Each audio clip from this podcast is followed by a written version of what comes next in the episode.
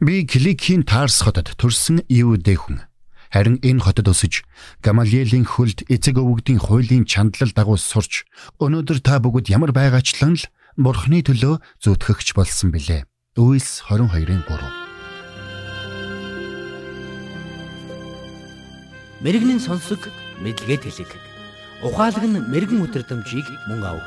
Доктор Харалт цаалогийн мэрэгэн зөвлөмж нэвтрүүлэг.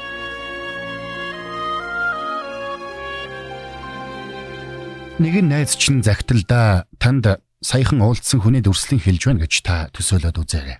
Тэр найз чинь ингэж хэлвэл та яах вэ? Дунд зэргийн нуруутай, шингхэн устай, хөлн баг зэрэг тахир өвдгөөрөө майж исэн. Том нүдтэй, хоёр хөмсгөн хоорондоо нийлчихсэн. Урт монхор хамартай.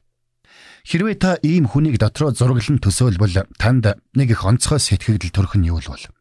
Гэхдээ түүхчид Элч Паулыг ийм байдалтайгаар дүрслэн тодорхойлсон байдаг юм.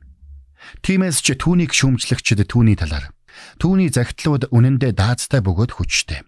Гэвч биеэрээ бол дорой бөгөөд үг ярианч үл хайхрам. 2 дугаар Коринт 10-ын 10.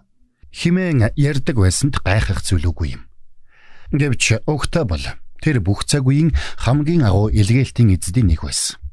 Тэр шин гэрээний теологч байснаас гадна Христийн сайн мэдээг тунхаглахаар олон мянган бээр замыг туулсан юм. Гарал угсааны хувьд тэр хинээч дор орохоргүй байсан. Тэр Израилийн Биньямин овгоос гаралтай төрөлхийн Ромын иргэн хүн байсан.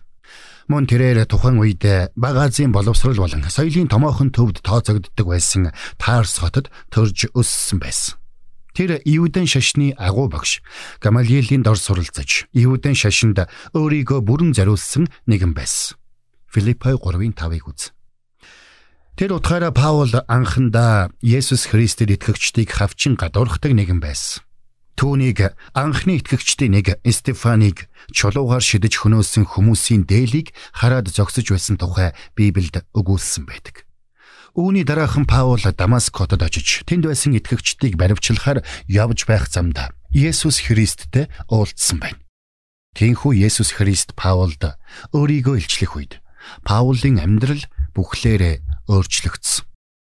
Тэр өдрөөс эхлээд Тарсын Саул үгүй болж Есүс Христийн элч Паул мэндэлсэн юм. Паул Ромын эзэнт гүрэн даяар гурван томоохон илгээлтийн аяныг зохион байгуулсан бөгөөд хаа явсан газартаа Христийн чуулганыг байгуулсаар байсан. Тэрээр хотоос хотод очин сайн мэдээ тунхаглаж, сөм чуулгануудыг байгуулж байснаас гадна шин гэрээний бүхэл бүтэн 13 номыг Паул ганцаараа бичсэн байна.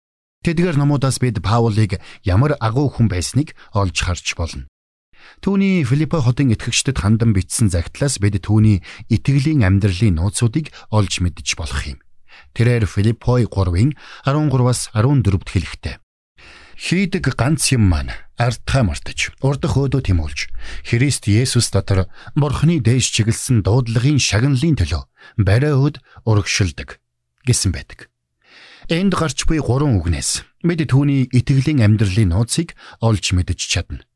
Энэ бол төвлөрөх, мартах, дээш тэмүүлэх гэсэн гурван үг юм.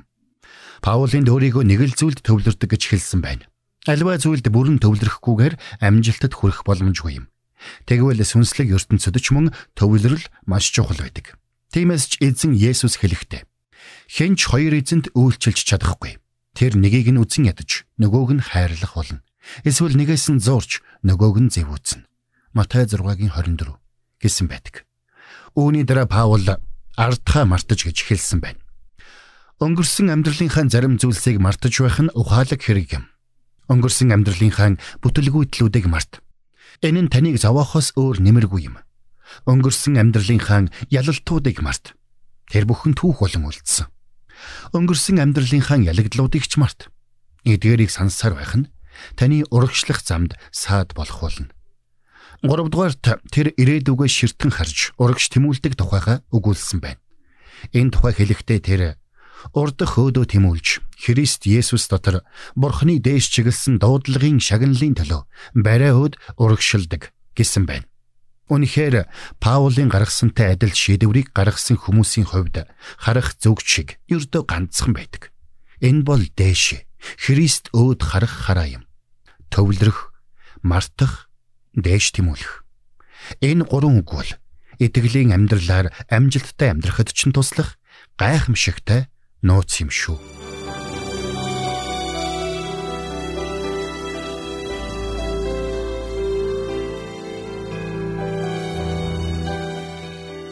Мэргэн нэгнийг дагуул мэргэн, мулгуутай нөхөрлөл хорлол.